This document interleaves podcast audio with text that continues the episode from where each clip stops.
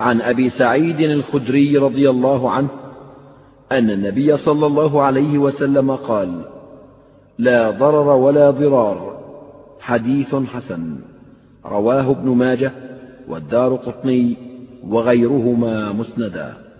ورواه مالك في الموطأ عن عمرو بن يحيى عن أبيه عن النبي صلى الله عليه وسلم مرسلا فأسقط أبا سعيد وله طرق يقوى بعضها ببعض. حديث أبي سعيد لم يخرجه ابن ماجه إنما خرجه الدار قطني والحاكم والبيهقي من رواية عثمان بن محمد بن عثمان بن ربيعة.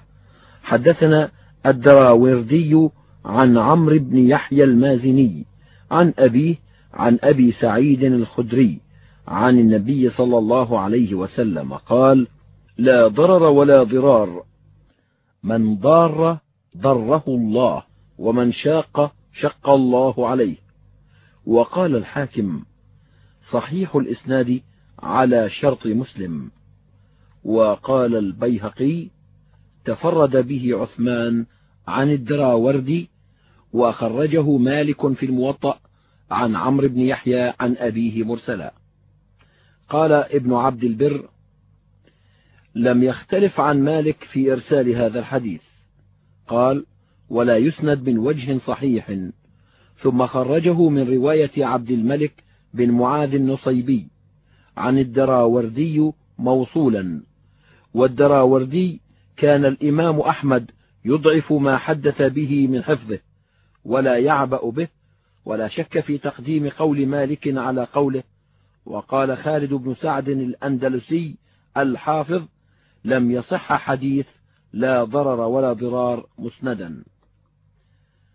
وأما ابن ماجه فخرجه من رواية فضيل بن سليمان حدثنا موسى بن عقبة حدثني إسحاق بن يحيى بن الوليد عن عبادة بن الصامت أن رسول الله صلى الله عليه وسلم قضى أن لا ضرر ولا ضرار وهذه من جملة صحيفة تروى بهذا الإسناد وهي منقطعة مأخوذة من كتاب قاله ابن المديني وأبو زرعة وغيرهما وإسحاق بن يحيى قيل هو ابن طلحة وهو ضعيف لم يسمع من عبادة قاله أبو زرعة وابن أبي حاتم والدار قطني في موضع وقيل إنه إسحاق بن يحيى بن الوليد بن عبادة ولم يسمع أيضا من عبادة قاله الدار قطني أيضا. وذكره ابن عدي في كتابه الضعفاء وقال عامة أحاديثه غير محفوظة وقيل إن موسى بن عقبة لم يسمع منه وإنما روى هذه الأحاديث عن أبي عياش الأسدي عنه وأبو عياش لا يعرف. وخرجه ابن ماجه أيضا من وجه آخر من رواية جابر الجعفي عن عكرمة عن ابن عباس قال قال رسول الله صلى الله عليه وسلم لا ضرر ولا ضرار وجابر الجعفي ضعفه الأكثرون. وخرجه الدار قطني من رواية إبراهيم بن إسماعيل عن داود بن الحصين عن عكرمة وإبراهيم ضعفه جماعة وروايات داود عن عكرمة مناكير. وخرج الدار قطني من حديث الواقدي. حدثنا خارجة بن عبد الله بن سليمان بن زيد بن ثابت. عن أبي الرجال عن عمرة عن عائشة عن النبي صلى الله عليه وسلم. قال لا ضرر ولا ضرار. والواقدي متروك وشيخه مختلف في تضعيفه.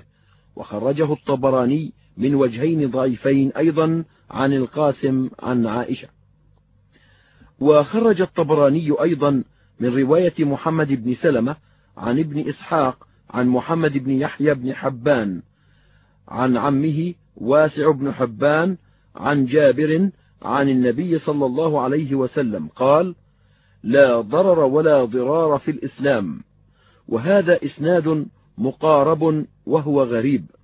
لكن خرجه أبو داود في المراسيل من رواية عبد الرحمن ابن مغراء عن ابن إسحاق عن محمد بن يحيى بن حبان عن عمه واسع مرسلا وهو أصح.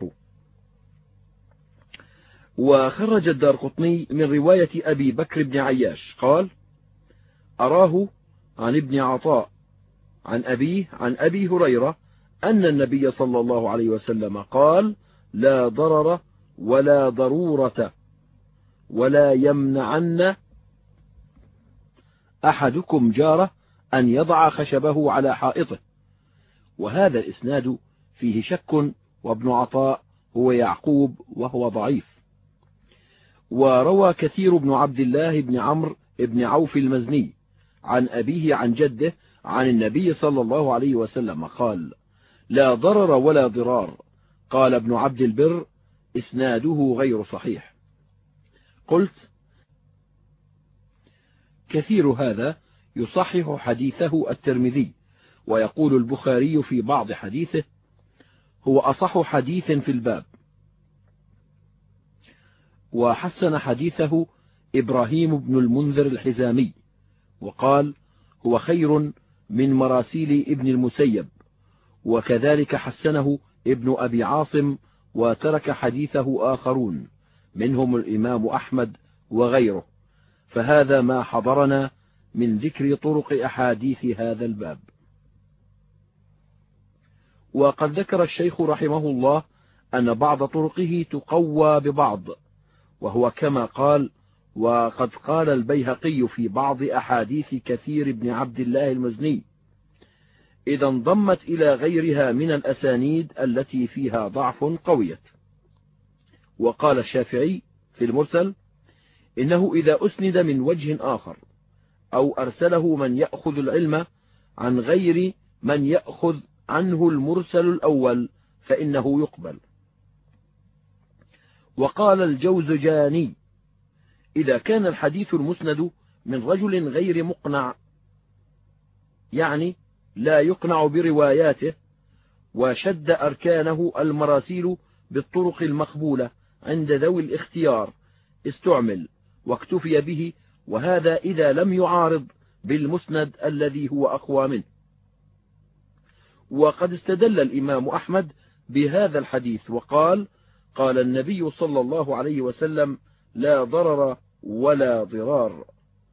وقال أبو عمرو بن الصلاح هذا الحديث أسنده الدار قطني من وجوه ومجموعها يقوي الحديث ويحسنه وقد تقبله جماهير أهل العلم واحتجوا به وقول أبي ب داود إنه من الأحاديث التي يدور الفقه عليها يشعر بكونه غير ضعيف والله أعلم. وفي المعنى أيضا حديث أبي صرمة عن النبي صلى الله عليه وسلم قال من ضار ضار الله به ومن شاق شق الله عليه. خرجه أبو داود والترمذي وابن ماجه وقال الترمذي حسن غريب. وخرج الترمذي بإسناد فيه ضعف عن أبي بكر الصديق. عن النبي صلى الله عليه وسلم قال ملعون من ضار مؤمنا أو مكر به. وقوله صلى الله عليه وسلم لا ضرر ولا ضرار. هذه الرواية الصحيحة ضرار بغير همزة وروي إضرار بالهمزة ووقع ذلك في بعض روايات ابن ماجه والدار قطني بل وفي بعض نسخ الموطأ. وقد أثبت بعضهم هذه الرواية وقال يقال ضر وأضر بمعنى. وأنكرها آخرون وقالوا لا صحة لها. واختلفوا هل بين اللفظتين أعني الضرر والضرار فرق أم لا. فمنهم من قال هما بمعنى واحد على وجه التأكيد. والمشهور أن بينهما فرقا. ثم قيل إن الضرر هو الاسم والضرار الفعل. فالمعنى أن الضرر نفسه منتف في الشرع وإدخال الضرر بغير حق كذلك. وقيل الضرر أن يدخل على غيره ضررا بما ينتفع هو به والضرار أن يدخل على غيره ضررا بما لا منفعة له به. كمن منع ما لا يضره ويتضرر به الممنوع. ورجح هذا القول طائفة منهم ابن عبد البر وابن الصلاح. وقيل الضرر أن يضر بمن لا يضره والضرار أن يضر بمن قد أضر به على وجه غير جائز. وبكل حال فالنبي صلى الله عليه وسلم إنما نفى الضرر والضرار بغير حق. فأما إدخال الضرر على أحد بحق إما لكونه تعدى حدود الله فيعاقب بقدر جريمته أو كونه ظلم غيره فيطلب المظلوم مقابلته بالعدل فهذا غير مراد قطعا وإنما المراد إلحاق الضرر بغير حق وهذا على نوعين. أحدهما أن لا يكون في ذلك غرض سوى الضرر بذلك الغير فهذا لا ريب في قبحه وتحريمه. وقد ورد في القرآن النهي عن المضارة في مواضع. منها في الوصية قال الله تعالى من بعد وصية يوصى بها أو دين غير مضار وفي حديث أبي هريرة لي هريرة حديث أبي هريرة لي هريرة المرفوع إن العبد ليعمل بطاعة الله ستين سنة ثم يحضره الموت فيضار في الوصية فيدخل النار. ثم تلا تلك حدود الله. إلى قوله ومن يعص الله ورسوله ويتعد حدوده يدخله نارا خالدا فيها. وقد خرجه الترمذي وغيره بمعناه. وقال ابن عباس الإضرار في الوصية من الكبائر ثم تلا هذه الآية. والإضرار في الوصية تارة يكون بأن يخص بعض الورثة بزيادة على فرضه الذي فرضه الله له. فيتضرر بقية الورثة بتخصيصه. ولهذا قال النبي صلى الله عليه وسلم إن الله قد أعطى كل ذي حق حقه فلا وصية لوارث. وتارة بأن يوصي لأجنبي بزيادة على الثلث فتنقص حقوق الورثة. ولهذا قال النبي صلى الله عليه وسلم الثلث والثلث كثير. ومتى وصى لوارث أو لأجنبي بزيادة على الثلث لم ينفذ ما وصى به إلا بإجازة الورثة وسواء قصد المضارة أو لم يقصد. وأما إن قصد المضارة بالوصية لأجنبي بالثلث فإنه يأثم بقصده المضارة. وهل ترد وصيته إذا ثبت ذلك بإقراره أم لا؟ حكى ابن عطية رواية عن مالك أنها ترد. وقيل إنه قياس مذهب أحمد. ومنها في الرجعة في النكاح. قال تعالى فأمسكوهن بمعروف أو سرحوهن بمعروف. ولا تمسكوهن ضرارا لتعتدوا. ومن يفعل ذلك فقد ظلم نفسه. وقال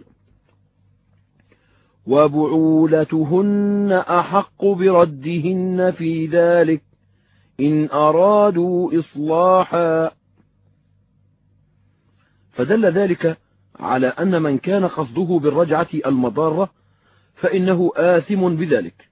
وهذا كما كانوا في أول الإسلام قبل حصر الطلاق في ثلاث يطلق الرجل امرأته ثم يتركها حتى تقارب انقضاء عدتها ثم يراجعها ثم يطلقها ويفعل ذلك أبدا بغير نهاية. فيدع المرأة لا مطلقة ولا ممسكة فأبطل الله ذلك وحصر الطلاق في ثلاث مرات.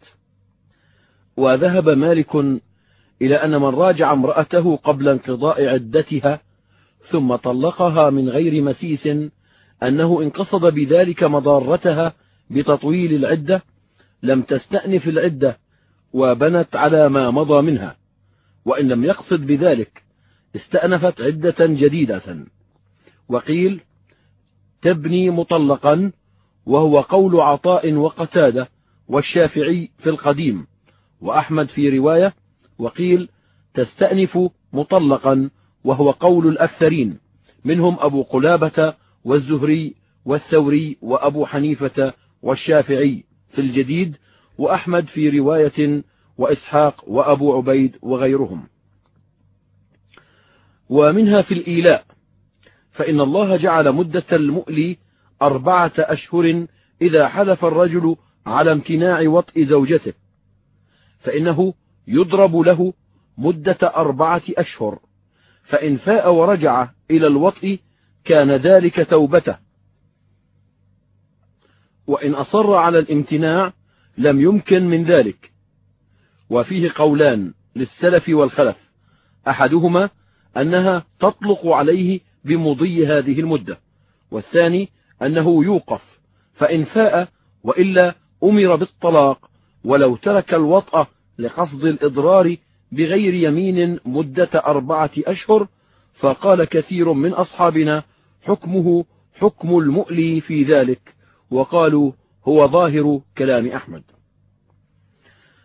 وكذا قال جماعة منهم إذا ترك الوطأ أربعة أشهر لغير عذر ثم طلبت الفرقة فرق بينهما بناء على أن الوطأ عندنا في هذه المدة واجب. واختلفوا هل يعتبر لذلك قصد الإضرار أم لا يعتبر. ومذهب مالك وأصحابه إذا ترك الوطأ من غير عذر فإنه يفسخ نكاحه مع اختلافهم في تقدير المدة. ولو أطال السفر من غير عذر وطلبت امرأته قدومة فأبى فقال مالك وأحمد وإسحاق يفرق الحاكم بينهما. وقدره أحمد بستة أشهر وإسحاق بمضي سنتين. ومنها في الرضاع. قال تعالى لا تضار والدة بولدها ولا مولودة له بولده. قال مجاهد في قوله لا تضار والدة بولدها. قال لا يمنع أمه أن ترضعه ليحزنها. وقال عطاء وقتادة والزهري وسفيان والسدي وغيرهم إذا رضيت ما يرضى به غيرها فهي أحق به. وهذا هو المنصوص عن أحمد ولو كانت الأم في حبال الزوج. وقيل إن كانت في حبال الزوج فله منعها من إرضاعه إلا أن لا يمكن ارتضاعه من غيرها. وهو قول الشافعي وبعض أصحابنا لكن إنما يجوز ذلك إذا كان قصد الزوج به توفير الزوجة للاستمتاع لا مجرد إدخال الضرر عليها. وقوله ولا مولود له بولده يدخل فيه أن المطلقة إذا طلبت إرضاع ولدها بأجرة مثلها لزم الأب إجابتها إلى ذلك وسواء وجد غيرها أو لم يوجد. هذا منصوص الإمام أحمد فإن طلبت زيادة على أجرة مثلها زيادة كثيرة ووجد الأب من يرضعه بأجرة المثل لم يلزم الأب إجابتها إلى ما طلبت لأنها تقصد المضارة. وقد نص عليه الإمام أحمد. ومنها في البيع. وقد ورد النهي عن بيع المضطر. خرجه أبو داود من حديث علي بن أبي طالب أنه خطب الناس فقال سيأتي على الناس زمان عضوض. يعض الموسر على ما في يديه. ولم يؤمر بذلك. قال الله تعالى ولا تنسوا الفضل بينكم. ويبايع المضطرون وقد نهى رسول الله صلى الله عليه وسلم عن بيع المضطر وخرجه الإسماعيلي وزاد فيه. قال رسول الله صلى الله عليه وسلم إن كان عندك خير تعود به على أخيك وإلا فلا تزيدنه هلاكا إلى هلاكه. وخرجه أبو يعلى الموصلي بمعناه من حديث حذيفة مرفوعا أيضا. وقال عبد الله ابن معقل بيع الضرورة ربا. وقال حرب سئل أحمد عن بيع المضطر فكرهه فقيل له كيف هو؟ قال يجيئك وهو محتاج فتبيعه ما يساوي عشرة بعشرين. وقال أبو طالب قيل لأحمد إن ربح بالعشرة خمسة فكره ذلك وإن كان المشتري مسترسلا لا يحسن أن يماكس فباعه بغبن كثير لم يجز أيضا. قال أحمد الخلابة الخداع وهو أن يغبنه فيما لا يتغابن الناس في مثله يبيعه ما يساوي درهما بخمسة. ومذهب مالك وأحمد أنه يثبت له خيار الفسخ بذلك. ولو كان محتاجا إلى نقد فلم يجد من يقرضه فاشترى سلعة بثمن إلى أجل في ذمته. ومقصوده بيع تلك السلعة ليأخذ ثمنها فهذا فيه قولان للسلف. ورخص أحمد فيه في رواية وقال في رواية أخشى أن يكون مضطرا فإن باع السلعة من بائعها له فأكثر السلف على تحريم ذلك وهو مذهب مالك وأبي حنيفة وأحمد وغيرهم. ومن أنواع الضرر في البيوع التفريق بين الوالدة وولدها في البيع فإن كان صغيرا حرم بالاتفاق وقد روي عن النبي صلى الله عليه وسلم أنه قال من فرق بين والدة وولدها فرق الله بينه وبين أحبته يوم القيامة. فإن رضيت الأم بذلك ففي جوازه اختلاف ومسائل الضرر في الأحكام كثيرة جدا وإنما ذكرنا هذا على وجه المثال. والنوع الثاني أن يكون له غرض آخر صحيح مثل أن يتصرف في ملكه بما فيه مصلحة له فيتعدى ذلك إلى ضرر غيره أو يمنع غيره من الانتفاع بملكه توفيرا له فيتضرر الممنوع بذلك. فأما الأول وهو التصرف في ملكه بما يتعدى ضرره إلى غيره فإن كان على غير الوجه المعتاد مثل أن يؤجج في أرضه نارا في يوم عاصف فيحترق ما يليه فإنه متعد بذلك وعليه الضمان وإن كان على الوجه المعتاد ففيه للعلماء قولان مشهوران. أحدهما لا يمنع من ذلك وهو قول الشافعي وأبي حنيفة وغيرهما. والثاني المنع وهو قول أحمد ووافقه مالك في بعض الصور. فمن صور ذلك أن يفتح قوة في بنائه العالي مشرفة على جاره. أو يبني بناء عاليا يشرف على جاره ولا يستره. فإنه يلزم بستره نص عليه أحمد ووافقه طائفة من أصحاب الشافعي. قال الرياني منهم في كتاب الحلية يجتهد الحاكم في ذلك ويمنع إذا ظهر له التعنت وقصد الفساد. قال وكذلك القول في إطالة البناء ومنع الشمس والقمر.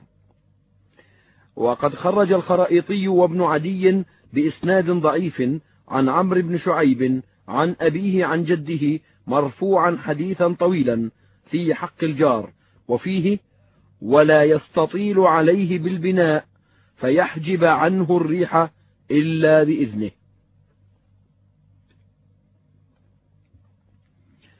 ومنها أن يحفر بئرا بالقرب من بئر جاره فيذهب ماؤها فإنها تطم في ظاهر مذهب مالك وأحمد.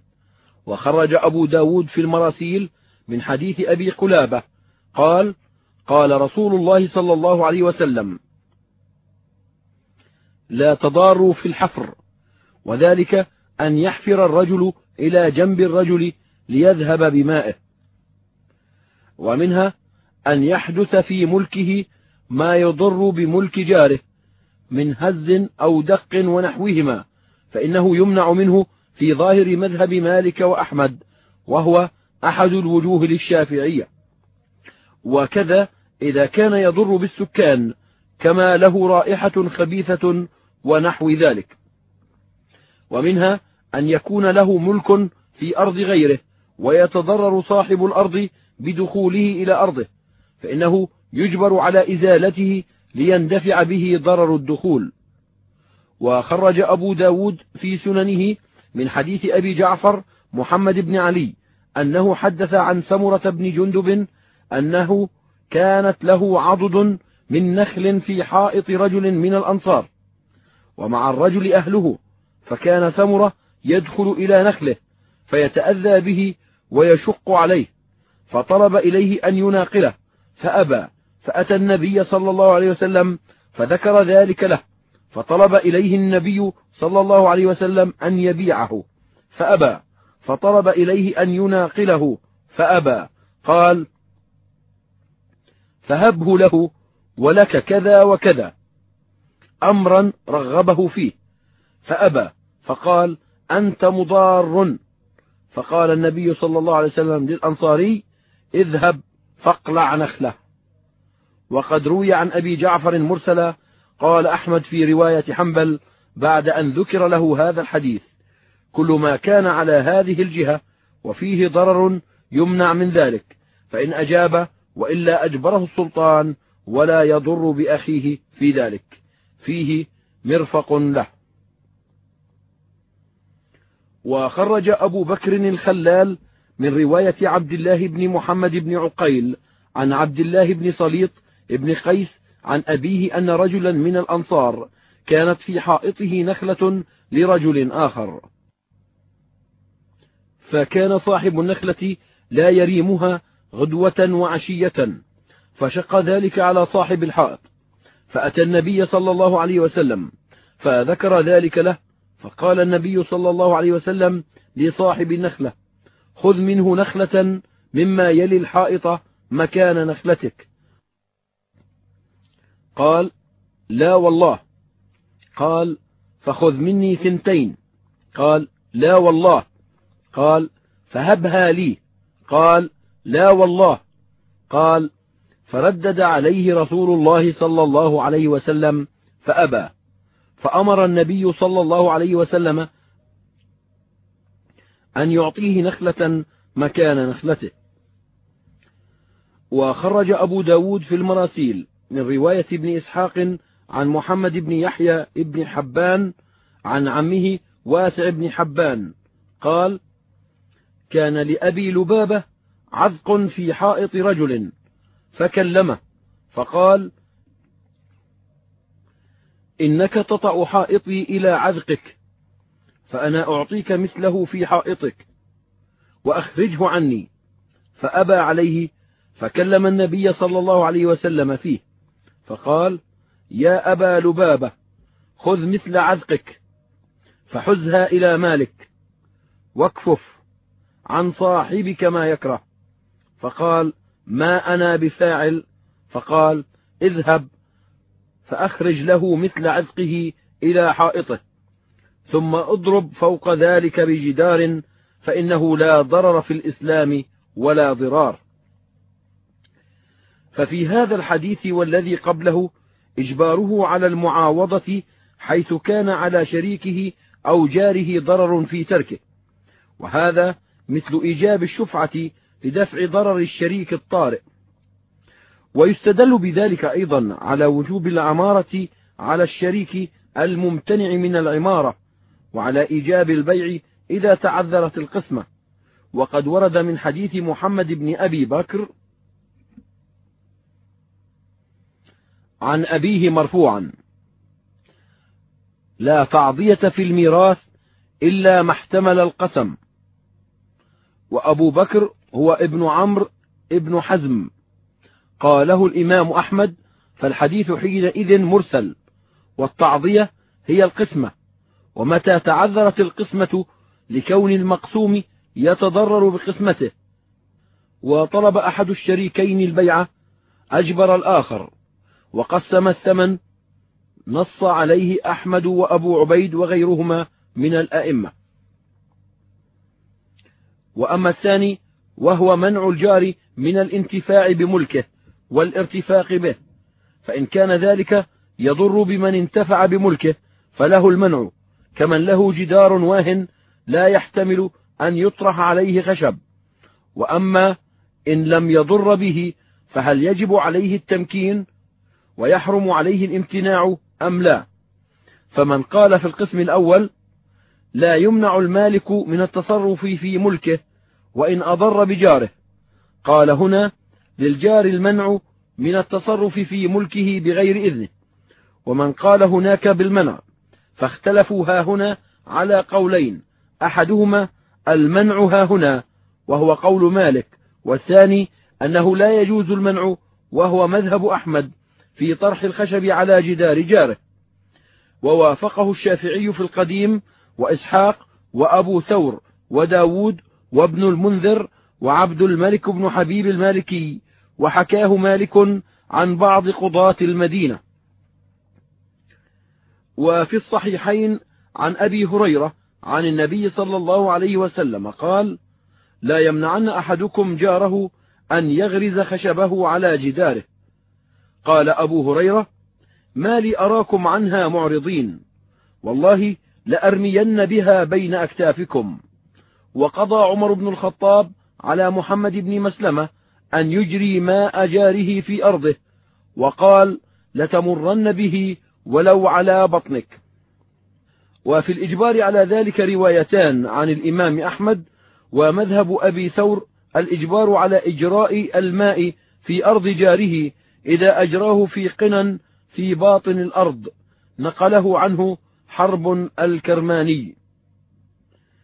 ومما ينهى عن منعه للضرر منع الماء والكلأ وفي الصحيحين عن أبي هريرة عن النبي صلى الله عليه وسلم لا تمنعوا فضل الماء لتمنعوا به الكلأ وفي سنن أبي داود أن رجلا قال يا نبي الله ما الشيء الذي لا يحل منعه قال الماء. قال يا نبي الله ما الشيء الذي لا يحل منعه؟ قال الملح. قال ما الشيء الذي لا يحل منعه؟ قال أن تفعل الخير خير لك. وفيه أيضا أن النبي صلى الله عليه وسلم قال الناس شركاء في ثلاث الماء والنار والكلأ. وذهب أكثر العلماء إلى أنه لا يمنع فضل الماء الجاري والنابع مطلقا. سواء قيل إن الماء ملك لمالك أرضه أم لا؟ وهذا قول أبي حنيفة والشافعي وأحمد وإسحاق وأبي عبيد وغيرهم. والمنصوص عن أحمد وجوب بذله مجانا بغير عوض للشرب وسقي البهائم وسقي الزروع ومذهب أبي حنيفة والشافعي لا يجب بذله للزروع. واختلفوا هل يجب بذله مطلقا أو إذا كان بقرب الكلى وكان منعه مفضيا إلى منع الكلى. على قولين لأصحابنا وأصحاب الشافعي وفي كلام أحمد ما يدل على اختصاص المنع بالقرب من الكلى. وأما مالك فلا يجب عنده بذل فضل الماء المملوك بملك منبعه ومجراه إلا للمضطر كالمحاذ في الأوعية وإنما يجب عنده بذل فضل الماء الذي لا يملك. وعند الشافعي حكم الكلأ كذلك يجوز منع فضله إلا في أرض الموات.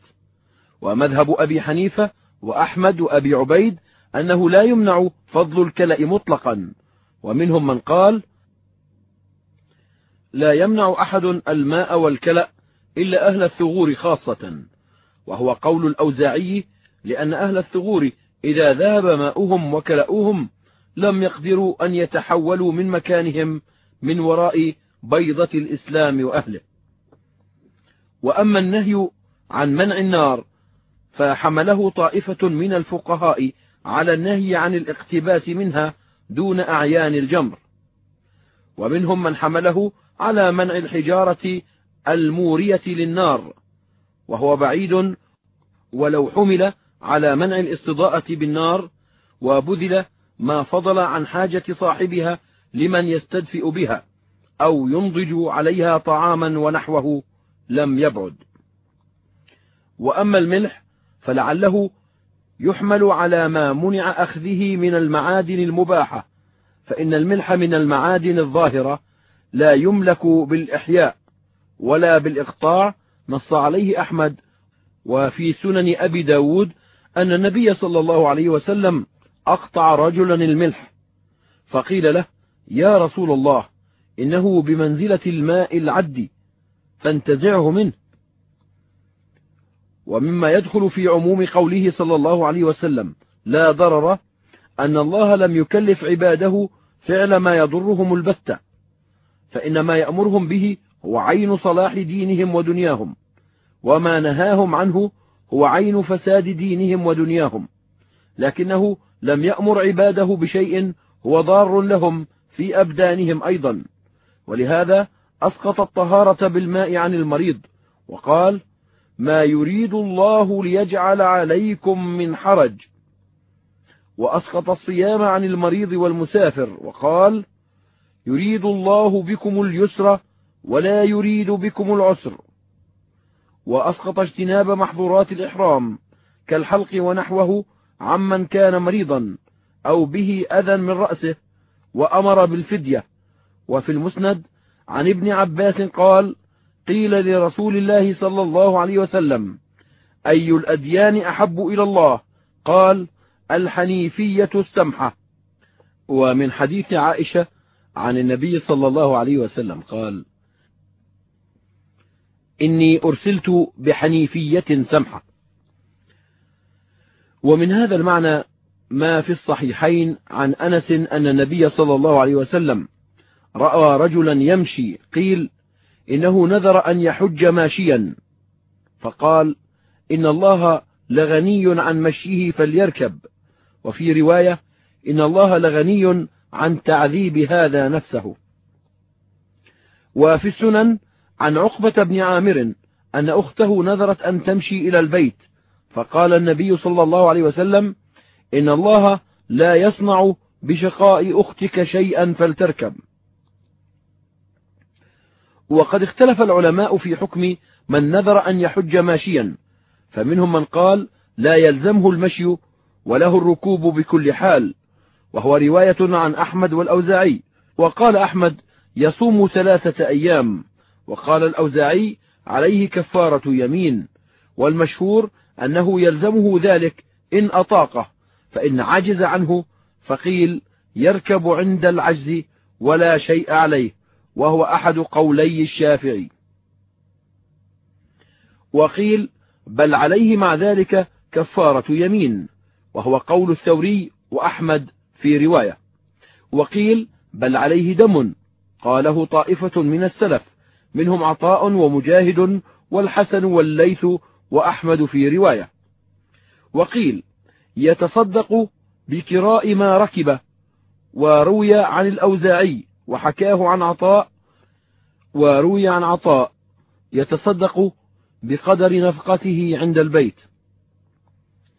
وقالت طائفة من الصحابة وغيرهم لا يجزئه الركوب بل يحج من قابل فيمشي ما ركب ويركب ما مشى وزاد بعضهم وعليه هدي وهو قول مالك إذا كان ما ركبه كثيرا.